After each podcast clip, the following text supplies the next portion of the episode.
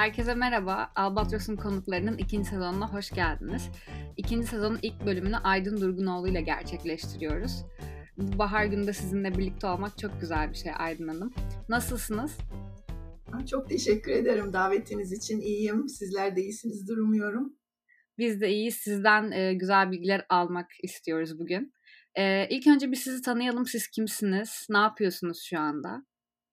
Adım Aydın Yücesan Durgunoğlu. Ben 1973-74 döneminde İzmir'den Amerika'ya giden bir AFS'liyim. New Jersey'de bir yıl geçirdim. Liseyi orada bitirdim. Hatta üniversite sınavına New York'ta girmiştim. Türkiye'ye döner dönmez ODTÜ psikoloji bölümüne girdim ve orada eğitime devam ettim. Üniversiteyi bitirince tekrar Amerika'ya gittim. Master ve doktoramı yaptım. Illinois ve Purdue üniversitelerinde kognitif bilişsel psikoloji üzerinde uzmanlaştım. Şimdi e, psikoloji deyince insanlar hemen önce terapist diye düşünüyor. Ben terapist değilim. Benim e, araştırma alanım sözlü ve yazılı dilin gelişmesi, çift dillilik, okuma, anlama, düşünme, bellek. Doktoramı bitirince Illinois Üniversitesi'nde çalıştım araştırmacı olarak. Daha sonra Minnesota Üniversitesi'nin Duluth kampüsüne girdim ve iki ay önce oradan emekli oldum. Ama ders vermiyorum ama e, yazmaya, çizmeye, araştırma yapmaya, çalışmaya devam ediyorum. Araştırdığım konulardan bir tanesi şu. Benim esas ilgi alanım okuma yazma nasıl gelişiyor? Altyapısını hangi beceriler oluşturuluyor, oluşturuyor? Ben ilk başladığım zaman baktım bu araştırmaların çoğu İngilizce ile yapılmış. İngilizcenin biliyorsunuz yapısı Türkçeden çok farklı, harf ses bağlantıları e, çok daha değişik. O yüzden bu konuda biraz daha değişik dillerde özellikle Türkçe'de de araştırma yapılması gerektiğini farkına vardım. Türkçenin durumu çok farklı çünkü biz Atatürk'ün öngörüsü sayesinde 1928'de bir harf devrimi geçirdik biliyorsunuz. O devrim sayesinde harf ve seslerin bağlantısı çok düzenli. Her harfin bazı istisnalar dışında tek bir karşılığı var. Bu da okumayı çok kolaylaştırıyor ama okuma dediğim zaman harf ses bağlantılarını çok kolaylaştırıyor. Ama dar boğazlar okuma anlamada, uygulamada, tartmada, düşünmede. Yani bu konularla ilgileniyorum. Bunu bu kadar ayrıntılı anlatmamın nedeni biraz sonra şeye de bağlayacağım. Şu anda yaptığım diğer çalışmalarda bu konudan kaynaklanıyor. Onun için bunu biraz daha ayrıntılı anlattım. Ne kadar güzel ya akademik geçmişiniz gerçekten akademik birikiminiz daha doğrusu çok güzel. Çok mutlu edici ülkemizden böyle e, insanların olması bizim için de yol gösterici tabii ki. Peki AFS hikayenizden biraz bahsettiniz nereden nereye gittiğinizi. Biraz daha açabilir misiniz bunu? Nasıl geçti? İlk yaşadığınız şoklar neydi? Hatırlayam hatırladığınız anılarınız belki hiç unutmadığınız hani böyle bahsedebilirseniz çok seviniriz. AFS aslında benim akademik konumu seçmeme yardımcı oldu ilk olarak onu söyleyebilirim. Çünkü AFS ortamında çok değişik milletlerden, dillerden insanlarla tanışıyorsunuz. O dilleri duyma, karşılaştırma imkanlarınız oluyor. O yıllarda Afganistan'dan bile öğrenci vardı grubumuzda. Bugün belki bu kadar önemli değil bu ama 73-74 yıllarında dünya çok daha büyüktü. İnternet yoktu, hızlı haberleşme yoktu, rahat ulaşım yoktu. O yüzden biz bir yerde dünyadan çok fazla haberdar değildik o yıllarda Türkiye'de oldukça içine kapanık yaşıyordu. Aslında o kötü değildi bir yerde. Kendi yağımızla kavruluyorduk, dış borçlarımız bu kadar yüksek değildi. Ama bir yandan da e, dünyayı çok iyi tanımıyorduk. Mesela ben AFS yılımda ilk defa uçağa bindim. İlk defa yurt dışına çıktım. İlk defa Amerikalı, Asyalı arkadaşlarım oldu. Burada beni en çok etkileyen olaylardan biri bütün farklılıklarımıza rağmen özünde hepimizin insan olduğumuzu, gençler olarak benzer hayaller kurduğumuzu onları fark ettim. AFS bana böyle daha bir evrensel, hümanistik bir bakış açısı sağladı, kazandırdı. Gerçekten ufkumu açtı. O benim hayatımda bir dönüm noktasıydı. AFS ailem çok iyiydi. Onun da yardım oldu tabii. Halen AFS kız kardeşim bana iki saat mesafede bir yerde oturuyor. Yılda bir defa görüşme imkanı buluyoruz o yıllarda hem Türkiye'den hem Amerika'dan telefon etmek yurt dışına çok pahalıydı. Acil bir olay dışında telefon edemezdik. Hiç unutmuyorum ailem, AFS ailem doğum günümde bana İzmir'e telefon etme şansı vermişti hediye olarak. İşte ailemden 15 günde gelen mektuplarla haberleşiyorduk. tabii internet, Skype falan yoktu. O yüzden gerçekten aileden uzak ve tek başına olduğunuzu hissediyorsunuz.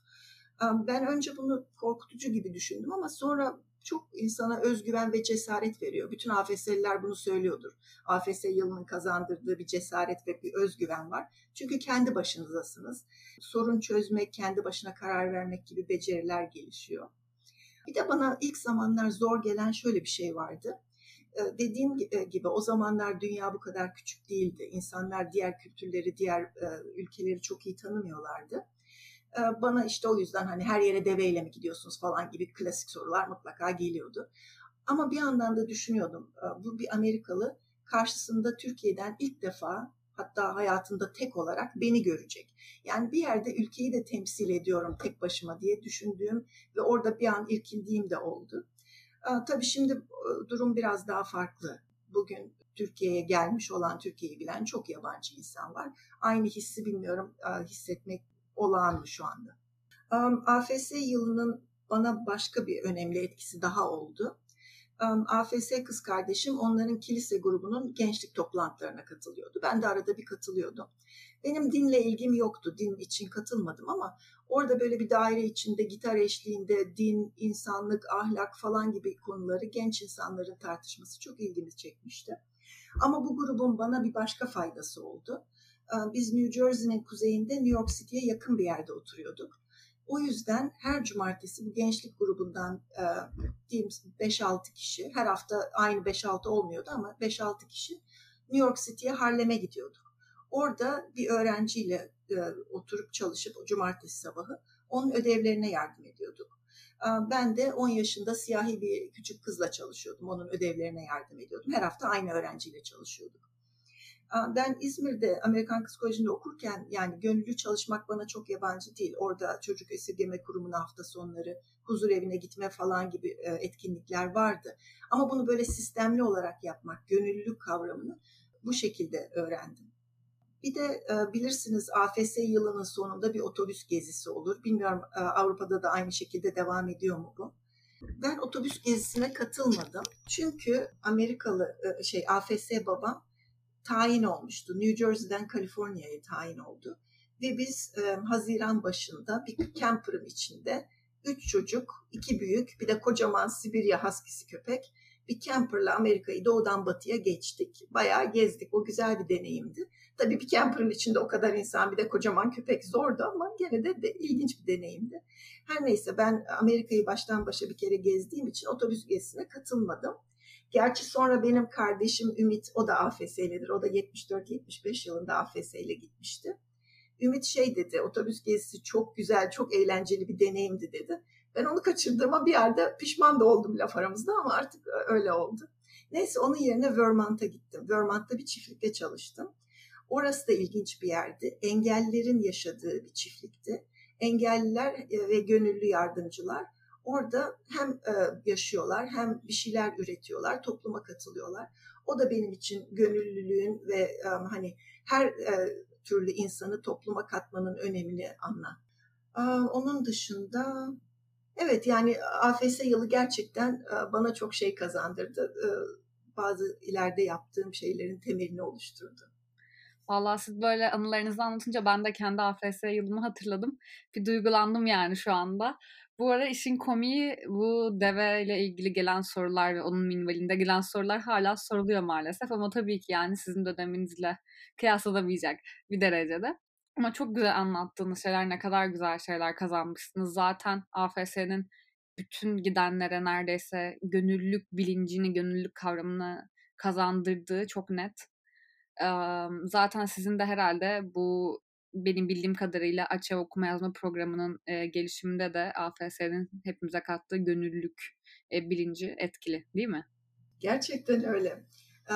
Daha önce söylemiştim Türkiye'de Türkçe'de okur yazarlık nasıl gelişiyor diye araştırmalar yaptığımda. Biz bu Banu Öney, arkadaşım Banu Öney ile bu konuda çalışmalarımız yayınlanmıştı. O yıllarda rahmetli oldu Profesör Çiğdem Kağıtçıbaşı e, önderliğinde Anne Çocuk Eğitim Vakfı AÇEV kurulmuştu. Onlar e, annelerin okul öncesi yaşta çocuğu olan annelerin eğitimine yönelik programlar hazırlıyorlardı. Yalnız hemen ilk anda karşılarına bir engel çıktı. Hedef kitle e, sosyoekonomik düzeyi daha düşük anneler e, olduğu için o annelerle çalışmaya başladıklarında bir şey fark etmişler. O anneler verilen malzemeleri okuyamıyorlar. Rahat okuyamıyorlar, kullanamıyorlar, uygulayamıyorlar. O yüzden Açev, Banu ve benden e, kadınların okur yazarlığını geliştiren bir program hazırlamamızı istedi. Ve biz de e, büyük bir sevinçle buna başladık.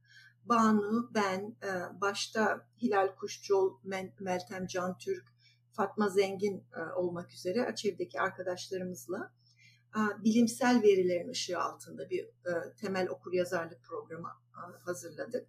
2000 ve bunu devamlı değerlendirdik. Bu programı çok uyguladık. Uyguladıkça hep değerlendirdik ve yeniledik. Birkaç revizyonunu hazırladık. O, o konuda da çok duyarlı davrandığımız için mutluyum. Yalnız 2000 yalnız demeyeyim 2000'li yıllarda iyi bir haber geldi artık bu temel okur yazarlığa ihtiyaç azalmıştı. Yani hiç okula gitmeyen kadın sayısı azdı. Biz de onun yerine ileri okur yazarlık programları hazırlamaya başladık. Burada daha çok eleştirel düşünme, okuduğunu tartma, daha derin konuları inceleme, yani harf ses bağlantısı, kelime çözmeden öte okuma, anlama, sözcük dağarcığını, genel bilgisini geliştirmeye yönelik programdı bu. Yalnız bir parantez açayım Son yıllarda maalesef tekrar hiç okuma yazma bilmeyen e, okula gitmesi engellenmiş kadın sayısı artmaya başladı. O yüzden biz temel okur yazarlık programımıza maalesef tekrar başlıyoruz.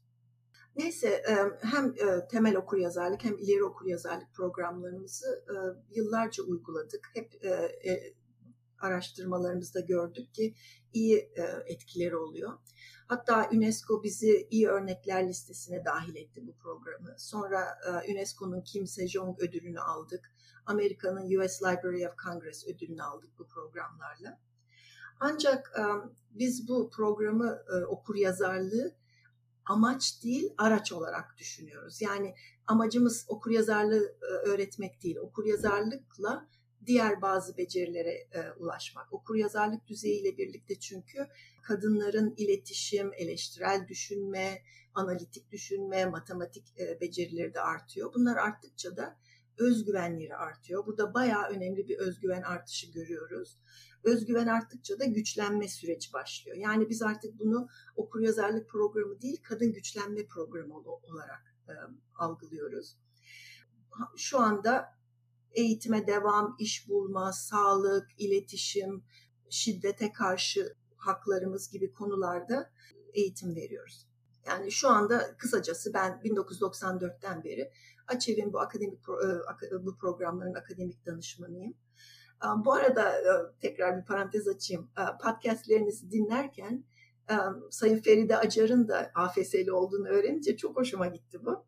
Çünkü ben hem onun hem çalışma arkadaşlarının toplumumuzda kadının insan hakları için yaptıklarını büyük bir saygıyla düşünüyorum. Onlara büyük bir saygı duyuyorum.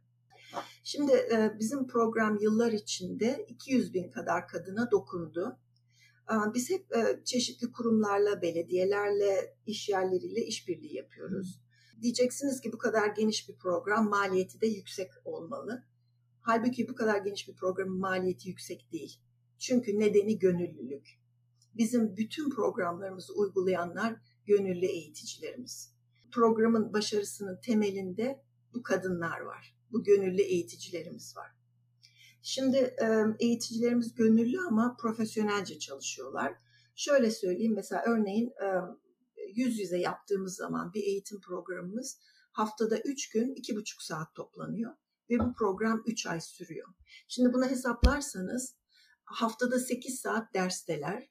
Bunun derse gidip gelme şeyi var, e, yol e, saati var. Ayrıca hazırlanma süresi var.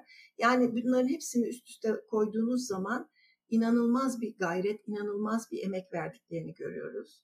Zaten programa başlamadan önce 3 haftalık yoğun bir seminerden geçiyorlar.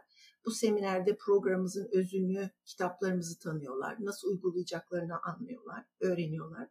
Uygulamaya başladıkları zaman, e, eğitim vermeye başladıkları zaman hepsinin birer saha danışmanı var. Bu saha danışmanları gelip onları yerlerinde izliyor, geri bildirim veriyor. Ayrıca saha danışmanları diğer eğiticilerle bir ağ oluşturuyor. Aralarında bilgi alışverişi oluyor. E, sıkıntılarını, başarılarını paylaşıp birbirlerinden de öğreniyorlar. Yani kısacası bu bizim e, gönüllü kadromuz büyük bir özveriyle çalışıyor, gayret ile çalışıyor, programa inanıyor ve onlar sayesinde bu kadar kadına dokunabiliyoruz ve hala devam edebiliyoruz. Şimdi pandemi olduğu için e, yüz yüze eğitimler mümkün değil biliyorsunuz. O yüzden biz de teknolojiyi kullanmaya karar verdik. Fakat bu kadınların teknolojiye yani e, katılımcılarımızın teknolojiye erişimi biraz kısıtlı. Onun için WhatsApp üzerinden eğitim veriyoruz şu anda. Bunu da nasıl yapıyoruz? Ters yüz eğitim yöntemini kullanıyoruz. Onlara bir takım videolar, okuma ödevleri falan yolluyoruz. Onları evde kendileri yapıyorlar. Yapabilecekleri düzeyde olan şeyleri veriyoruz tabii. Sonra haftada bir WhatsApp üzerinden küçük gruplar halinde buluşuyoruz. O gruplarda da e, bütün o malzemelerin üzerinden geçiyoruz. Ayrıca tekstil atölyelerinde çalışan genç kadınlarla çalışmaya başladık. Yani gönüllülükle bu işi böyle idare ediyoruz. Ve gayet iyi gidiyor pandemiye rağmen. Valla yaptığınız şey gerçekten çok güzel ve çok önemli bizim ülkemiz için. Özellikle bu ülkede kadınlara verilen değerin gün geçtikçe azaldığı bu dönemlerde. Yani anlattığınız her şeyin e, anlattığınız her şey çok değerli ve çok güzel yaptığınız her şey. Ama mesela beni burada en çok üzen şey bu temel okuma programının o kadar yıllar sonra tekrar hani başlatılması. Bu hani hem ülkemiz için hem kadınlarımız için çok üzücü gerçekten. Ama iyi ki siz ve sizin gibi insanlar var ki kadınlara destek oluyorsunuz. Özellikle süreçlere ve koşullara uyum sağlamanız da gerçekten hani onların kendilerini yalnız hissetmemelerini sağlamıştır. Gerçekten çok ben herkes adına size çok teşekkür ediyorum. Onun dışında size son ufak bir sorum var. E, gönüllülük nedir sizce? Nasıl tanımlarsınız gönüllülüğü ya da nasıl bir his? Ben gönüllülüğü aslında çift çift yönlü bir iletişim olarak düşünüyorum. Yani gönüllülük deyince bir yerde insanın aklına şey geliyor. Ben bir şeyler biliyorum, karşımdakine o bildiğimi veya o becerimi yansıtıyorum, onunla paylaşıyorum, ona bir şeyler öğretiyorum, onu geliştiriyorum. Ama gönüllülük o değil. Yani siz sadece e, kendinizden özveri falan bir şey veriyorsunuz ama karşılığında çok şey de öğreniyorsunuz. O yüzden gönüllülüğü bir yerde kendinizi geliştirmek için de bir yöntem olarak düşününce verdiğinizden çoğunu da alıyorsunuz. O yüzden gönüllülüğü dediğim gibi ben iki taraflı olarak düşünüyorum. Sadece çok bilen, çok becerisi olan birisinin karşı tarafa nakletmesi değil, karşısından da bir şeyler öğrenmesi olarak. Bir de mesela bizim şu anda ülkemizde genç kadınların öğrenmeye, kendini geliştirmeye çok çok hevesleri var. Bu büyük bir potansiyel, değerlendirilmeyen bir potansiyel. Onlarla konuşurken onlardan da çok şey öğreniliyor. O yüzden ben mümkünse kadınların hele anne olmadan, evlenmeden önce her zaman tabii ama özellikle evlenmeden, anne olmadan önce bu tip kendini geliştirme programlarına katılabilmesini çok istiyorum. Çünkü biliyorsunuz istatistikleri şu anda ülkemizde genç kadınların yüzde otuzu ne eğitimde ne işte. Yani çok büyük bir potansiyeli biz şu anda ziyan ediyoruz, kullanamıyoruz. Halbuki güçlü kadınlar, kendi ayakları üstünde durabilen kadınlar çok daha mutlu oluyor. Öyle olunca da hem evinin içinde hem to hem toplumda çok daha e, rahat yer alıyor, çok daha etkili oluyor, e, etrafına da çok daha yararlı oluyor. O yüzden bu genç kadınları özellikle kazanmak çok önemli.